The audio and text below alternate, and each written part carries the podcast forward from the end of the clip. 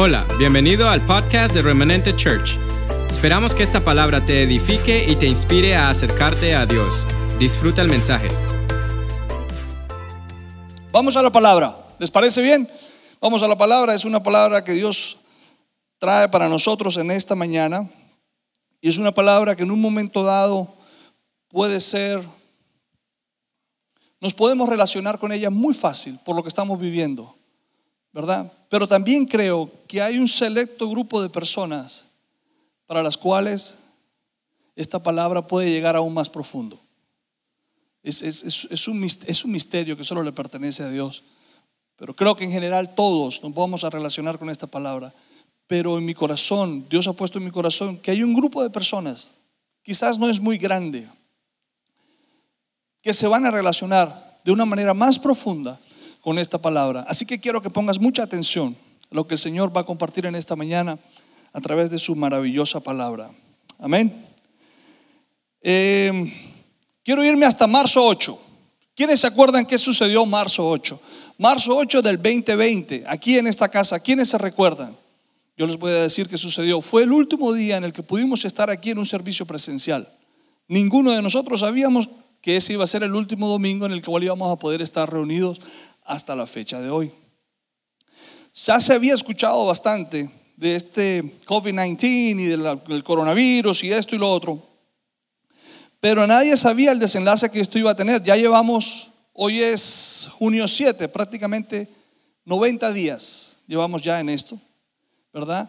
Y podemos decir que hemos sabido asimilar esto de la mano de Dios. Podemos decir que Dios ha sido bueno, que Dios ha sido suficiente, que Dios ha tenido cuidado de nosotros. Pero si nos vamos a esos días, a esas fechas, mm, estábamos muy inquietos, estábamos muy incómodos, no entendíamos qué estaba pasando. Me recuerdo muy bien que después del servicio nos fuimos al restaurante y estábamos comiendo ahí y me golpeó mucho ver el negocio muy solo, ver las ventas tan bajas. Eh, no lo podía asimilar, era incomprensible. Le preguntaba a los managers, le preguntaba a los muchachos que estaban ahí conmigo. No lo entendían tampoco. Y eso me llevó en un momento a preguntarme, ¿y esto qué es? Pero vámonos ahora a estos días que estamos viviendo. Hablemos de las últimas dos semanas. En las últimas dos semanas nos hemos encontrado con noticias muy difíciles. No, solo en la televisión, nosotros mismos los hemos visto, en las redes sociales lo hemos visto y hemos, lo hemos presenciado aún en las ciudades donde nosotros vivimos, ¿verdad? Estas marchas y estas protestas de un pueblo que se resiste al racismo, ¿verdad? Noticias que, y vemos imágenes que entristecen muchísimo nuestro corazón. Vemos imágenes que no, no nos imaginamos que estaban sucediendo y que de hecho han estado sucediendo. Y entonces, pues sí, nos entristecemos. Estamos hablando de las últimas dos semanas. Esto es algo que se ha sumado a todo lo que estamos viviendo allá afuera con lo del virus, pero esto se ha sumado ahora. Y una vez más, nos preguntamos y analizamos el comportamiento de las personas, analizamos cómo ellos, por qué actúan de esta manera, por qué están haciendo esto, por qué abusan en cierta manera. Y nos preguntamos, ¿y esto qué es? ¿Te ha pasado lo mismo? ¿Te lo has preguntado en tu casa en estos días? ¿Y, ahora? ¿Y esto qué es? A mí me ha pasado. Yo sé que en mi casa nos ha pasado. Y por eso, ese es el título que le queremos dar a esta palabra. Una, una pregunta más que un título. ¿Y esto qué es? Basado en ese título, quiero hablarles de una persona, Josafat, el rey de Judá. Yo sé que han leído de Josafat en Segunda de Crónicas. Si no lo has leído, te animo a que lo hagas. Te animo que busques tu palabra, que busques Segunda de Crónicas y te vayas al capítulo 20. Ahí vamos a desarrollar una historia que vamos a leer juntos y vamos a compartir juntos. Y vamos a ver cómo se desenvuelve esta historia con el rey Josafat. Pero antes quiero hablarte un poquito de él. Josafat había asumido el reino de su padre, Asa después de la muerte de él mismo.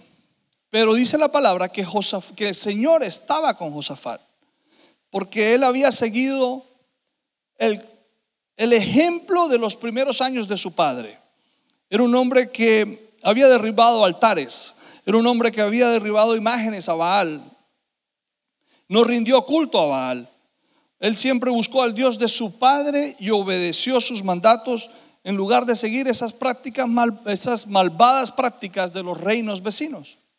Estoy hablándoles de Josafat, les quiero dar una idea de quién era el rey Josafat, de cómo pensaba Josafat, de cómo obraba, cómo se movía, cómo, cómo tomaba decisiones en su vida, para que entendamos un poquitico la historia en el capítulo 20. Por esta razón, porque él hacía todo esto, el Señor estableció el dominio de Josafat sobre el reino de Judá. En otras palabras, por esta razón el Señor estaba con él, lo acompañaba, no lo dejaba solo, siempre estuvo de su lado. Llegó Josafat a ser un hombre muy rico y gozó de mucha estima en medio de la gente, tenía mucha gracia, le caía muy bien a la gente y a todas las ciudades vecinas. Él estaba profundamente comprometido con los caminos del Señor. Incluso Josafat hizo algo muy particular. Él mandó a sus funcionarios del gobierno, mandó a los levitas, mandó a los sacerdotes a que fueran por todas las ciudades de Judá y enseñaran la ley del Señor y enseñaran la palabra. Él quería asegurarse que el pueblo conociese la palabra, que el pueblo conociese cuál era su Dios, cuál era el Dios a que él le servía y a que el pueblo debía servirle. Pero no porque él se los imponía, sino porque se los enseñaba. Porque él les daba formación. Porque él les ayudaba al pueblo a que tuviesen una identidad. Ok. Fue tanto que aún los filisteos empezaron a llevarle a él tesoros como tributo, plata como tributo. Dice la palabra que le llevaron más de 7.700 carneros y 7.700 chivos.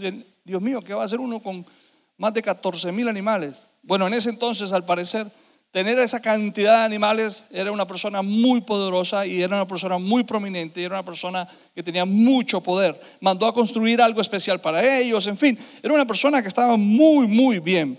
Todo marchaba bien para Josafat. Incluso se pudo armar de una tropa de más de 1100 hombres entrenados, eh, pero con unas, ¿cómo se dice? Entrenados, muy bien entrenados, o sea, eran unas capacidades mayores que cualquier soldado del ejército. Eran especialistas en lo que ellos hacían y eran más de 1100 hombres solamente para el servicio de él, del rey. Imagínense, él tenía 1100 guardaespaldas. ¿Te imaginas el poder que había sobre este hombre? La, gracia, el favor, el dominio, el alcance que este hombre tenía. Imagínate cómo lo cuidaban. Bueno, todo estaba muy bien, todo marchaba muy bien, de acuerdo a lo que él había planificado en sus primeros años de reino. ¿Te ha pasado en algún momento que cuando todo está bien, que cuando todo está en orden, que cuando los planes que te has trazado, que has pensado, que has, organizado, se están desarrollando tal y como cual lo pensaste, lo decidiste, que las personas con las que pensaste trabajar o pensaste desarrollar un proyecto están ahí a tu lado, te están acompañando. ¿Te ha pasado eso? A mí me ha pasado. Se siente muy bien. Todo está saliendo en orden, todo está cayendo en su puesto. Y nos a mí me ha pasado, yo sé que a todos nos ha pasado. Tenemos esa ilusión, pero también tenemos el ánimo y las ganas y la pasión por, por seguir haciéndolo. Eso le estaba pasando a Josafat en ese entonces. Estaba, todo estaba sucediendo tal y como él lo había planificado. Pero sucedió algo inesperado. Y aquí es donde quiero que vayamos a la palabra. En Segunda de Crónicas, capítulo 20, verso 1, a Josafat le pasó algo inesperado, como lo que nos pasó a nosotros en el mes de marzo, como lo que nos ha pasado a nosotros en las últimas dos semanas, algo completamente inesperado. Dice la palabra que después de todo esto que les conté, los ejércitos de los moabitas y de los amonitas y algunos meunitas le declararon la guerra a Josafat. Llegaron mensajeros e informaron a Josafat. lo siguiente. Un enorme ejército de Don marcha contra ti desde más allá del mar muerto. Ya está en Hasesón Tamar. En otras palabras, en Gandhi. Es otro nombre que se le da al lugar. Una muy mala noticia. Porque hasta donde yo tengo entendido, ya estaban bastante cerca. Estaban a menos de 25 millas de distancia. Estaban, habían, Josafat prácticamente estaba sufriendo una emboscada. Le habían caído por sorpresa, le había llegado por sorpresa.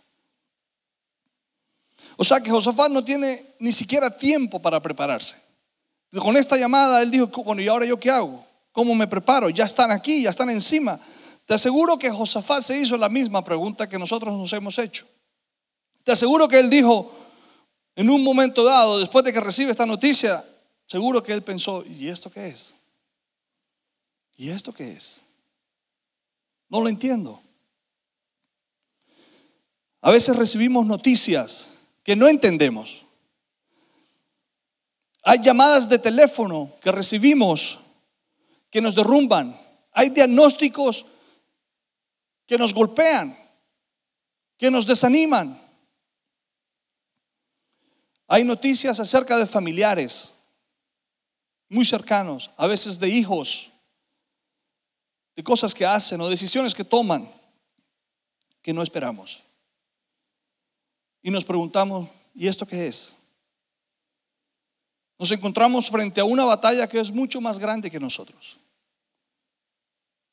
Por el factor sorpresa, porque todo estaba caminando bien, porque todo iba en orden, porque todo se estaba desarrollando como lo habíamos querido. Pero sucede esto, llega la noticia. Para este tipo de problemas no tenemos tiempo ni siquiera para buscar un consejo. Pero ¿qué hizo Josafat? Josafat corre a la presencia de Dios. La sorpresa lo alarmó, lo aterrorizó, dice que se aterró, pero a pesar de eso, él fue a la presencia del Señor y se determinó, se determinó a buscar al Señor. Él decidió ir antes de saber o de entender realmente lo que estaba pasando. Decidió ir antes a la presencia del Señor. A pesar de que estaba aterrado. Dice en Segunda de Crónicas 23, verso 3, vamos en el verso 3. Dice que Josafat quedó aterrado con la noticia. Aterrado. ¿Y esto qué es? No lo entiendo. ¿Qué pasó? ¿Por dónde llegó? No me lo esperaba. Ajá, ¿y esto y ahora qué es? Y le suplicó al Señor que lo guiara. Y también ordenó enseguida, no solamente fue y buscó al Señor, sino que ordenó enseguida a todos en Judá que ayunaran. Ok, eso está muy bien. Eso está excelente. Eso es lo que se debe hacer en momentos como esos. Eso es lo que yo te animo a que hagas en momentos como estos. Pero seamos honestos, no siempre pensamos de esta manera. No siempre actuamos o reaccionamos de esta manera. No podemos mentirnos si decimos que siempre lo hacemos y que siempre buscamos al Señor. ¿Por qué no? No lo hacemos siempre. Casi siempre es una reacción. Casi siempre es un desespero. Casi siempre es pregunta tras pregunta tras pregunta. Dos capítulos anteriores a esto, Josafat se vio enfrentado a una situación diferente, en donde él había decidido diferente. Josafat dice la historia en dos capítulos anteriores que él hace una alianza con el rey Acab. Y el rey Acab lo persuade, lo, lo, convence de que lo acompañe a la guerra para ir a recuperar unas tierras. Pero decidieron, ellos deciden, y yo lo leí, ustedes lo pueden leer también, dos capítulos anteriores, donde Josafat le dice, mi ejército es tu ejército. Si tú quieres ir a la guerra, vamos los dos juntos. ¿No? Si tú quieres ir a la batalla, vamos los dos juntos, porque mi ejército es tu ejército. Hizo alianzas con un rey que no estaba alineado con Dios en su momento. Dice, dice la palabra, que un profeta se acercó y les dijo, porque ellos preguntaron al profeta, ¿qué querrá Dios con esto? Y el profeta se acerca y les dice que no vayan, que no van a salir bien librados. Y de hecho la historia cuenta que se fueron, sí se fueron a la batalla y llegaron a la batalla y que milagrosamente Josafat se salvó, porque los habían emboscado, porque Josafat llevaba sus vestiduras de rey y mientras el otro rey Acab se había disfrazado para camuflarse entre los soldados y llegar profundamente, él se había, Josafat sí llevaba sus vestiduras y lo habían atacado, lo iban a emboscar, lo iban a matar a él. Pero dice la palabra que él clamó a Dios y Dios lo salvó y lo rescató en el último momento. Y que una persona, un soldado del otro ejército lanzó una, flecha al aire y esta flecha cayó y acabó con la vida de Acab.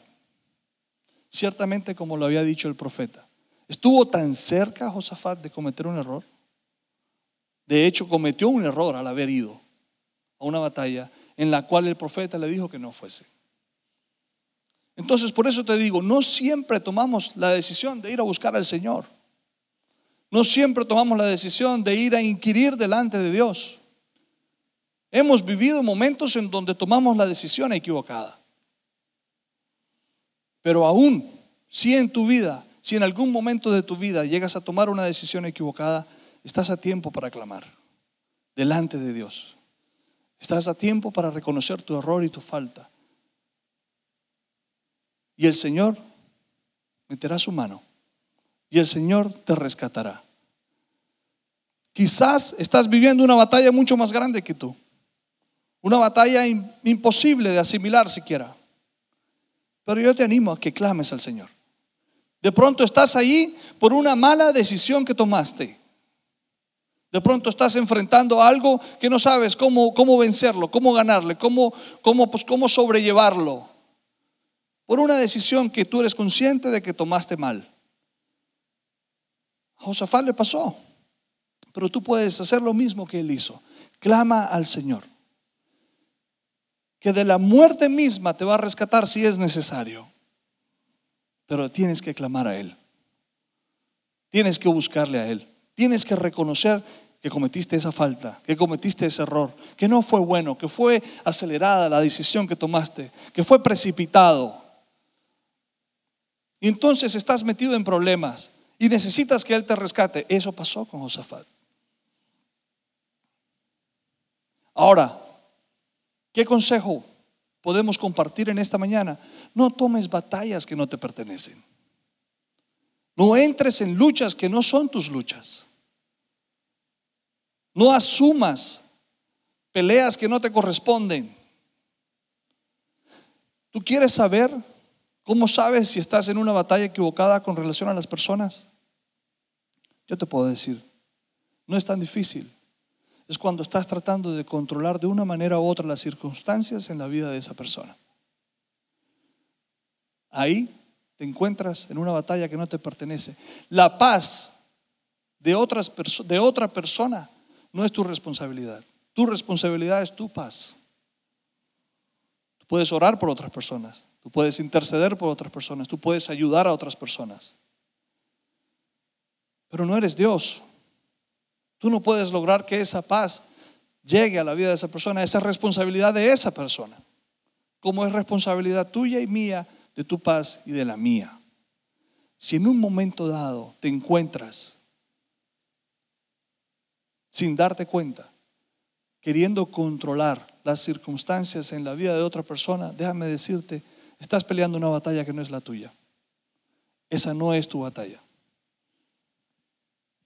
Pero todavía estás a tiempo para que el Señor meta su mano. Todavía estás a tiempo para que el Señor te rescate. Y para que el Señor pueda alinearte otra vez, para que el Señor te pueda ubicar de nuevo en tu destino. Amén. Volviendo a Josafat. Él se está enfrentando una batalla en la que se preguntó, ¿y esto qué es? ¿Por qué te digo esto? Porque no tenía ningún plan. No lo tenía, no lo esperaba. porque no tenía tiempo para desarrollar una estrategia y contrarrestar el ataque, para poder defenderse, porque ya no tenía, no tenía el consejo necesario en el momento.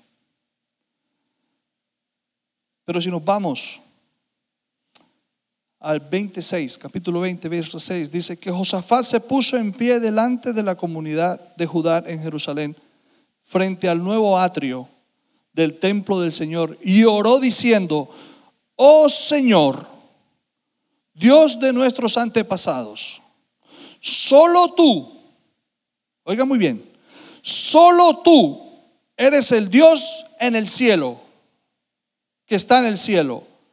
Tú eres el gobernante de todos los reinos de la tierra. Tú eres fuerte y poderoso. Nadie puede hacerte frente. Esto lo hizo en el templo que había construido Salomón. Allí. Corrió a ese lugar y empezó a orar. ¿Qué hizo Josafat? ¿Qué nos enseña ahí Josafat? Que en el momento en el que él decide ir al templo, él cambió su enfoque. Dejó de mirar quién venía contra él. Dejó de mirar la mala noticia, lo grande, lo fuerte, lo imposible de sostener, de sobrellevar, de vencer, de asimilar, de entender, de aceptar. Dejó de mirar eso. Dejó de mirar esta mala noticia que lo agobiaba.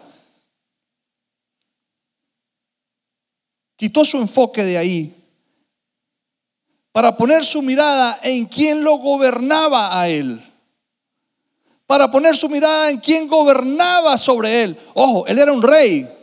Todo le estaba saliendo muy bien. Él iba excelente en sus planes. Estaba gobernando a las mil maravillas de acuerdo a los principios de Dios. Estaba dándole formación a un pueblo, a una nación. Les estaba ayudando a que, a que tuvieran la identidad del pueblo de Dios. Había enviado a todos sus hombres. Él estaba haciendo las cosas correctas. Y le llegó a este de repente, le llegó a este noticia difícil. Pero en el momento en el que él se va a orar, él cambia su enfoque, quita sus ojos, quita su mirada de esta noticia que lo agobia y empieza a poner su mirada en el Dios que gobernaba sobre él. Yo te invito en esta mañana a que quites esa mirada de esa batalla que no es tu batalla, de esa batalla que no te corresponde, de esa batalla que es mucho más grande que tú, de esa batalla que, que te tiene atemorizado, encerrado, derrotado, ya incluso. Quita tu mirada de ahí. Quita tu enfoque de ahí. Y enfócate en quién es el que gobierna sobre tu vida. Dice la palabra, dice la palabra, que él, él, oró diciendo, oh Señor, Dios de nuestros antepasados, aquí me quiero detener un poco. Y te quiero hablar a ti joven, estás viendo este video, que estás viendo este servicio en, en Facebook ahorita, me quiero enfocar en ti y te quiero decir que es, te es necesario que conozcas la historia de tus antepasados. Te es necesario que conozcas la historia de la nación donde vives. Te es necesario que conozcas la historia de tu madre y de tu padre. Te es necesario. Porque si no lo conoces, te expones a cometer los mismos errores que cometieron nuestros, nuestros antepasados y quizás peores. Pero Josafat conocía la historia. Y Josafat decía, oh Señor Dios de nuestros antepasados. Él sabía con quién estaba hablando. El Dios de sus padres, de sus antepasados, de los amigos de Abraham. Y decía, solo tú eres el Dios que está en el cielo. Tú eres el gobernante de todos los reinos, incluyendo el de él, incluyendo el de Josafat. Los reinos de la tierra, dice la palabra. Tú eres fuerte y poderoso. Nadie puede hacerte frente. Su enfoque cambió. Él, desvió el enfoque de la preocupación y lo enfocó en Dios. Y desde ese momento todo empezó a cambiar. Todo. Todo empezó a cambiar. ¿Por qué me atrevo a decirte que todo empezó a cambiar? Porque el ángulo desde donde él se ubicó en la circunstancia era diferente. Ya él no estaba mirando desde sus limitaciones de fortaleza, de reino, de gobernante, de poder, de señorío. Ya, él no estaba mirando las circunstancias desde sus fortalezas, sus debilidades de su ejército, sino que él estaba mirando todo a través del lente de Dios, porque él lo reconoció. Y él sabía a quién se dirigía, el Dios de sus, de sus antepasados. Nosotros necesitamos hacer eso. Nosotros necesitamos cambiar el enfoque y empezar a mirar las circunstancias y empezar a mirar y analizar esa llamada, esa noticia que hemos recibido estas últimas dos semanas, empezar a analizar esta gran batalla que es mucho más grande que nosotros mismos desde el enfoque, desde el lente de Dios, desde el lente de nuestros antepasados, desde su punto de vista. Desde, vamos a mirar desde el ángulo, desde donde lo mira el que gobierna sobre todos los reinos de la tierra. Te invito a que lo hagas. Te animo a que lo hagas. Necesitamos hacerlo. Reconoció a su creador. ¿Qué me enseña esto? Que él tenía una identidad clara y conocía sus limitaciones, pero su identidad era clara. Él sabía quién era y él sabía hasta dónde podía llegar. ¿Tienes tu identidad clara? ¿O sigues agobiado? ¿Sabes que eres hijo de Dios? ¿Sabes que te pertenece el reino? ¿Sabes que tienes herencia? ¿Sabes que el Señor es el que tiene el control y el que va a cumplir todo lo que ha pensado acerca de ti y de mí? Porque es quien controla tu destino y mi destino. ¿Tú sabes eso? Necesitamos saberlo. Necesitamos saber quiénes somos. Necesitamos entender, asimilar. Necesitamos que sea revelada a nuestra vida la palabra para poder ser transformados. Para poder vivir una transformación en la identidad falsa con la que veníamos arrastrando. La que decía que no podíamos. La que, decíamos, la que decía que no, no éramos nadie la que decía que no éramos capaces, la que decía que no merecíamos. Esa identidad que nos hacía sentir huérfanos, olvidados, abandonados, personas de mala suerte. Una identidad mentirosa. Porque una vez hemos llegado al Señor, una vez Jesucristo ha llegado a rescatarnos, nuestra identidad debe ser otra. Necesitamos tener clara esa identidad. Josafat la tenía claro. Dice en el verso 7, dice, oh Dios nuestro, ¿acaso no expulsaste a los que vivían en la tierra cuando, cuando llegó tu pueblo Israel? ¿Acaso no le diste esta tierra para siempre a los descendientes de tu amigo Abraham? Para siempre nos ha dado esta tierra.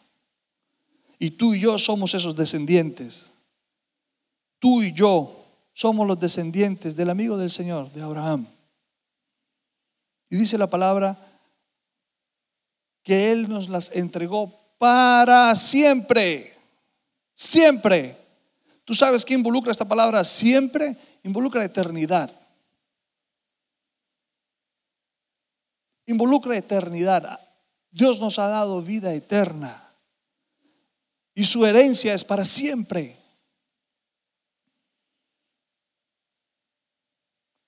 Es momento de acordarnos de las grandes cosas que el Señor ha hecho con nuestras vidas. Por nosotros, por sus hijos. Recordemos lo que ha hecho, pero también recordemos lo que nos ha prometido. Dios te ha dado promesa. Dios va a cumplir su promesa sobre tu vida. En, en Hebreos 10:23 dice, mantengámonos firmes sin titubear, sin dudar, sin temblar, sin espacio a duda, en la esperanza que afirmamos, porque se puede confiar en que Dios cumplirá su promesa. Hoy es una mañana para empezar a confiar en Dios. Hoy es una mañana en donde yo quiero que el Espíritu Santo de Dios, y le oro al Señor y he estado orando, para que pueda darte esa revelación. Tú puedes confiar en el Señor está en ti, habita dentro de ti. Sabes que ese templo del que hablaba aquí la palabra, del que habla la palabra, el templo que construyó Salomón, fue donde Josafat fue corriendo a orar. Quiero decirte algo, tú y yo somos ese templo.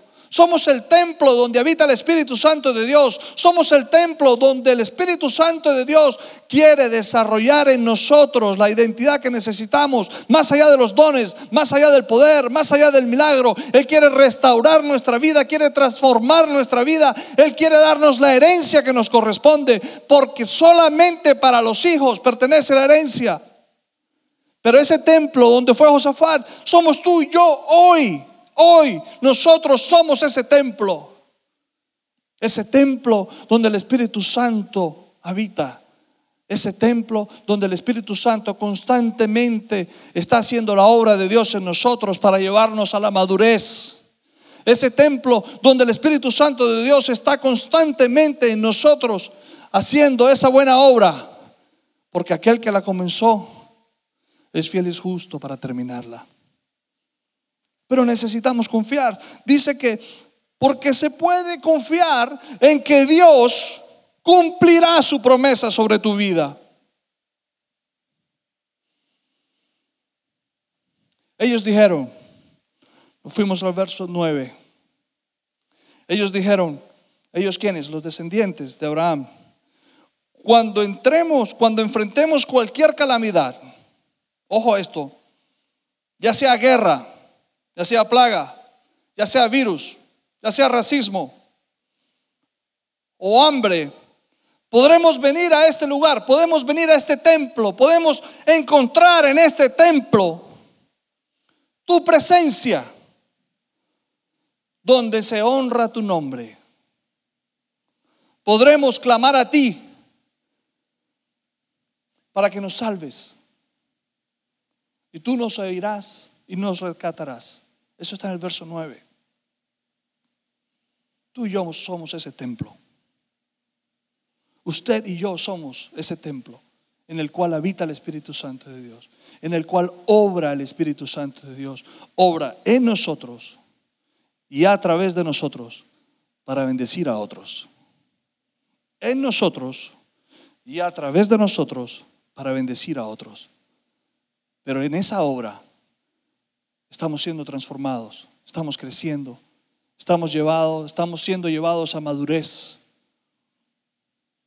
acompañado de los dones, de los milagros, de la unción. Pero la obra es la eternidad. El destino es la eternidad. La herencia que a ti y a mí nos pertenece es el cumplimiento de su destino, es el cumplimiento de su propósito sobre nosotros. Porque somos hijos. Dice en el verso 11 y 12, dice, mira cómo nos pagan ahora, porque han venido para echarnos de tu tierra, la cual nos diste como herencia. La herencia. Oh Dios nuestro, ¿no los vas a detener? ¿Acaso no los vas a detener? Somos impotentes ante este ejército que viene en contra de nosotros. Nos sentimos impotentes muchas veces ante problemas y circunstancias. Hay veces que luchamos, tenemos batallas hasta con los genes nuestros. Tú sabes que tú y yo no tenemos culpa de los genes que tenemos, pero sí tenemos que enfrentarlos. Y son batallas difíciles de vencer. Así de profundo puede llegar a ser este mensaje para algunos que no se explican por qué no pueden vencer, que no se explican por qué no pueden avanzar. Así de profundo puede llegar a ser esta palabra. Y dice, somos impotentes ante este ejército poderoso que está a punto de atacarnos. No sabemos qué hacer. pero en ti buscamos ayuda.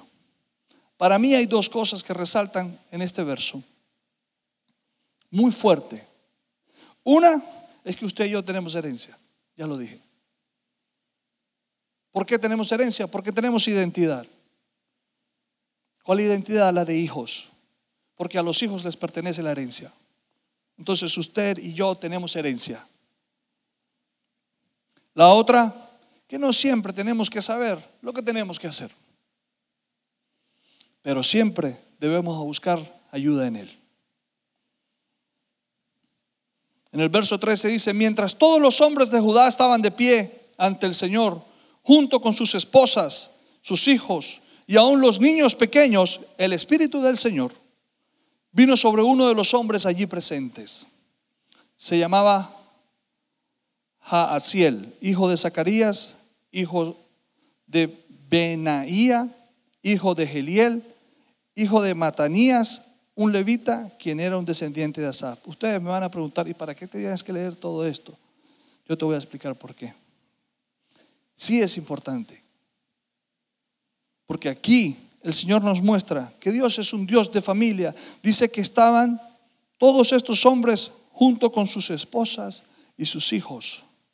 Y los niños pequeños, nadie se había quedado en casa. Toda la familia entera estaba allí, de pie, ante el Señor. Y, vino sobre un profeta el Espíritu del Señor. Pero dice que era hijo de Jaciel, hijo de Zacarías, hijo de Benaía, hijo de Giliel, hijo de Matanías. ¿Qué quiere decir cada uno de estos nombres? Léalo usted allá en su casa, entre el verso 13 y 14. ¿Qué quiere decir eso? Que esta era una persona que venía de generación en generación, cuya promesa del Espíritu Santo de Dios, cuya promesa de Dios, cuya promesa de la herencia estaba sobre su vida. Dios es un Dios de generaciones. Dios es un Dios que no es solamente para hoy, ni para los de ayer, ni para los de mañana. Él es un Dios de generaciones que trasciende generaciones. Su promesa no está solamente sobre tu vida en este día, está sobre los hijos, sobre los hijos de tus hijos, sobre tus nietos, lógicamente, sobre los hijos de tus nietos y mucho más, hasta mil generaciones. Dios es un Dios de generaciones. Su herencia es para siempre. Para siempre. Es la eternidad. Nos pertenece a nosotros. Por eso es importante cada uno de estos nombres, porque cada uno de estos nombres representaba una generación. Ese es el énfasis que hace este verso aquí. Él nos deja ver que el Espíritu del Señor cayó sobre un hombre sobre el cual había promesa en sus generaciones. No era cualquiera parecido. Tú y yo no somos cualquiera. Nosotros no somos cualquiera parecido en la casa de una tía, en la casa de un vecino. Tú y yo somos hijos de Dios que venimos de generaciones y vamos a trascender a otras generaciones. Porque eso dice la palabra que tú y yo somos. Eso dice la promesa de Dios que tú y yo somos. La promesa de Dios dice que Él es fiel y justo para cumplir la obra que comenzó en nosotros. Y que la herencia que nos pertenece nos será entregada.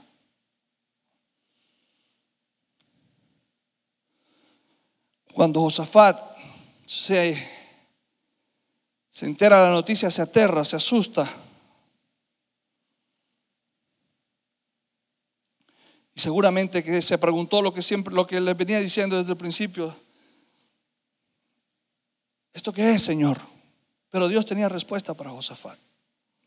En el verso 15, Jaasiel, este hombre sobre el cual vino el Espíritu Santo, el Espíritu de Dios, dijo, Escuchen. El Señor te dice a ti que estás ahí en casa. Remanente, remanente Riohacha, Machala, remanente Cali, remanente Manizales, Pereira, remanente Dos Quebradas, Santa Rosa, futuramente remanente Barranquilla, ¿por qué no? Futuramente remanente Brasil, remanente España, o a ti, amigo, que estás ahí y que es la primera vez que estás sintonizándonos, que estás acompañándonos. El Señor te dice en esta mañana, escucha muy bien, habitante de Judá y de Jerusalén. Escuchen muy bien, iglesia. Escuche, rey Josafat. Le habló a los habitantes, pero también le habló al rey. Y le dice, escuche, rey Josafat esto dice el Señor. No tengan miedo. No tengan miedo. No se desalienten por este poderoso ejército. No se desalienten por esa mala noticia. No se desalienten por ese diagnóstico. No se desalienten por esa enfermedad que te agobia. No se desalienten por ese divorcio que estás viviendo. No se desalienten por la bancarrota en la que has caído. No te desalientes por la depresión que no comprendes, no entiendes de dónde viene. No te desalientes porque esa batalla contra tus genes no has podido vencerla. No te desalientes contra ese poderoso ejército. No te desalientes contra esa batalla que es mucho más grande que tú. Porque la batalla no es de ustedes, sino de Dios. Porque la batalla no es de ustedes, sino de Dios. La batalla no es de ustedes, sino de Dios. Porque esto que vino de repente, esta llamada que llegó inesperada y que, y que detuvo todo lo que habíamos planeado, y que dañó los planes y que dañó los proyectos y que se congelaron proyectos, esta batalla contra esto que vino no es tuya, no te pertenece. Esta batalla es de Dios. Y por eso el Señor te dice que no tengas miedo ante este ejército. Por eso el Señor te dice que no te desanimes, que no te desalientes. Porque la batalla, esta batalla no es tuya, es, es del Señor. Esta batalla es mía, te dice el Señor. Cobrad ánimo, cobrad ánimo. Levántate, levanta tu frente. Es momento de levantarte en esta mañana. Cobra ánimo. Es momento de que la identidad de hijo te sea revelada para que empieces a disfrutar de la herencia, para que empieces a disfrutar y a entender y a comprender y a vivir que esta batalla no te pertenece a ti, no es tu batalla, esta batalla es de Dios.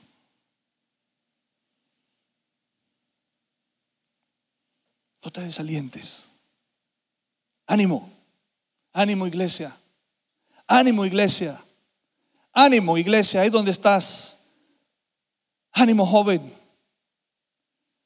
Quizás tu grado no fue el que esperabas. Quizás el año pasado planeabas tremendo grado porque sabías y sabes que es un gran logro, pero no era el que esperabas. Llegó, sucedió, no como lo esperabas. Pero no te desalientes. No es culpa tuya. El Señor te va a dar la victoria. Y el Señor va a celebrar en grande contigo. Porque tú eres su hijo.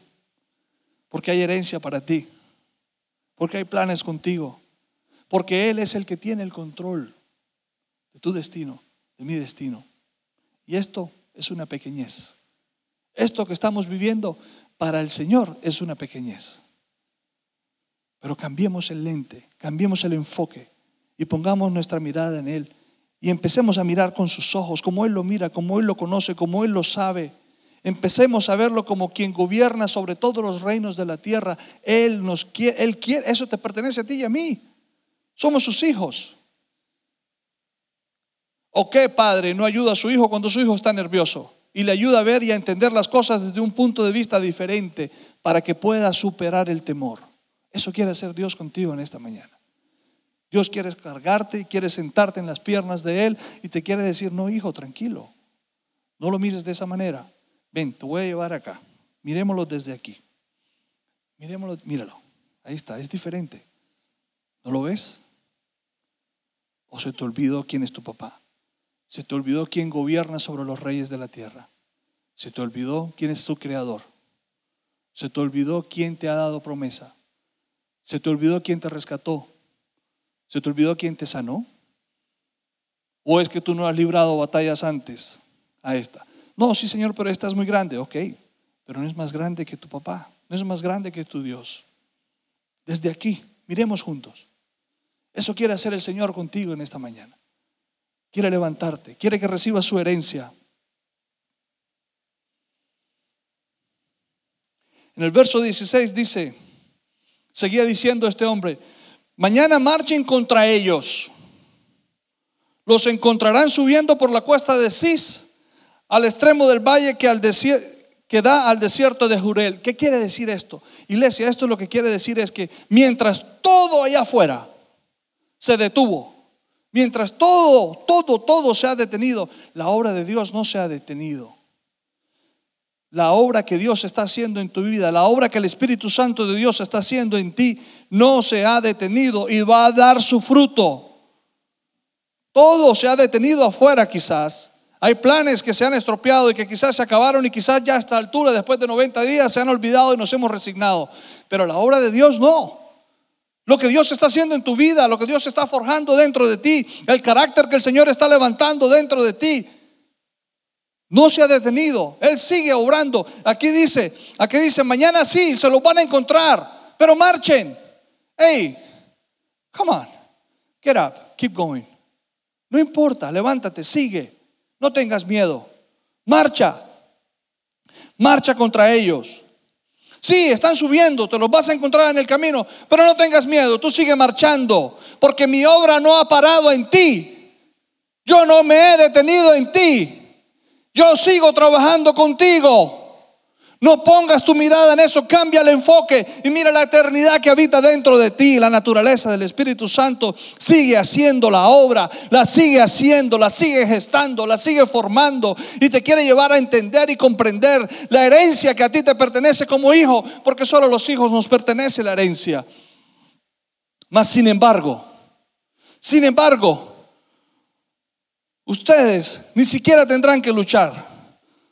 Así le dijo el Señor a ellos. Ustedes ni siquiera tendrán que luchar. Tienen que marchar, tienen que hacerle frente, tienen que dar la cara, pero no tendrán que luchar. Porque acuérdate lo que dijo antes, esa no es tu batalla, esa es mía, dijo el Señor. Tomen sus posiciones, luego quédense quietos y observen la victoria del Señor. Él está con ustedes, pueblo de Judá. Él está contigo, remanente. Él está contigo. Hermano, hermana, mamá, papá, hijo, hija, Él está contigo. No tengan miedo, ni se desanimen. Salgan mañana, salgan hoy en la tarde contra ellos, porque el Señor está con ustedes. En otras palabras, no te esconda más. Sal y hazle frente. Quiero cerrar este servicio Quiero que me acompañes. Segunda de Crónicas 20, 18. Y quiero que cerremos este servicio juntos. ¿Por qué digo juntos? Porque aquí en la iglesia el equipo de alabanza me va a acompañar. Pero quiero que tú también lo hagas desde tu casa. Y quiero que juntos, tú en tu casa, en tu carro, en tu trabajo, donde estés, con nosotros aquí. Cerremos esto, amarremos esto como el Señor lo quiere para nosotros. Vivamos esto de la forma como Dios quiere que lo hagamos. Experimentemos lo que ese pueblo experimentó en ese momento de angustia. Pero quiero que lo hagas conmigo ahí donde estás. Quiero que me acompañes. Quiero que dispongas tu corazón. No quiero que te dejes distraer. Sabes, si hay niños alrededor tuyo, haz lo que yo hago con mi nieto, dale el celular, ponle YouTube Kids, que se entretenga, dale cinco minutos con el celular, pero este tiempo en el que vamos a amarrar esto, enseñanza, en el que vamos a abrazar lo que Dios tiene para nosotros en esta mañana, no te lo pierdas. Dispón tu corazón, dispón tu vida. Son cinco minutos, quizás pueden llegar a ser diez, no sé. Pero es una cita divina con Dios, con su palabra que transforma y que da vida, con su palabra que te levanta y que te alienta, con su palabra que te da la victoria. Dice el verso 18, entonces el rey Josafat se inclinó rostro en tierra y todo el pueblo de Judá y de Jerusalén hizo lo mismo en adoración al Señor. Después los levitas de los clanes de Coar y de Coré se pusieron de pie para alabar a viva voz al Señor, el Dios de Israel. Su fe dio para obedecer, dio para alabar, dio para reconocer, dio para levantar un cántico de adoración. Su fe dio para rendirse ante el Señor, pero para levantar una voz. Y eso queremos hacer. Queremos alabar su nombre, queremos adorarle, queremos reconocer a quien tiene el control, queremos reconocer a quien nunca pierde el control. Queremos reconocer en esta mañana a quien sabe lo que viene. Él sabe qué es lo que vendrá. Manténme a salvo, oh Dios, porque a ti he acudido en busca de tu refugio. Le dije al Señor, tú eres mi dueño. Todo lo bueno que tengo proviene de ti. Esto lo dijo David en el Salmo 16. Señor, solo tú eres mi herencia mi copa de bendición. Tú proteges todo lo que me pertenece. La tierra que me has, que me has dado es agradable. La herencia que me has dado es agradable.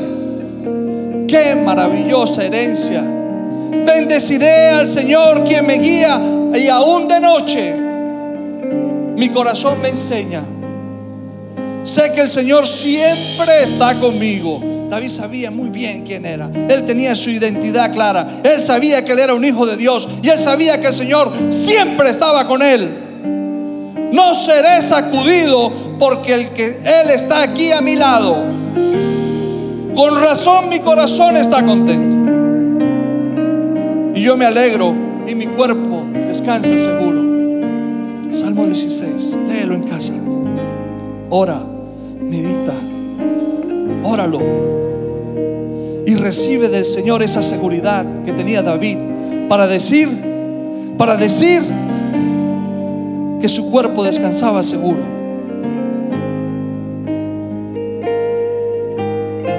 Levanta tus manos ahí donde estás. Ya la vemos al Señor. Ahí donde estás. Recibe la unción del Señor. Esperamos que este mensaje haya sido de bendición. No te olvides de suscribirte a nuestro podcast y seguirnos en Facebook e Instagram arroba remanente church.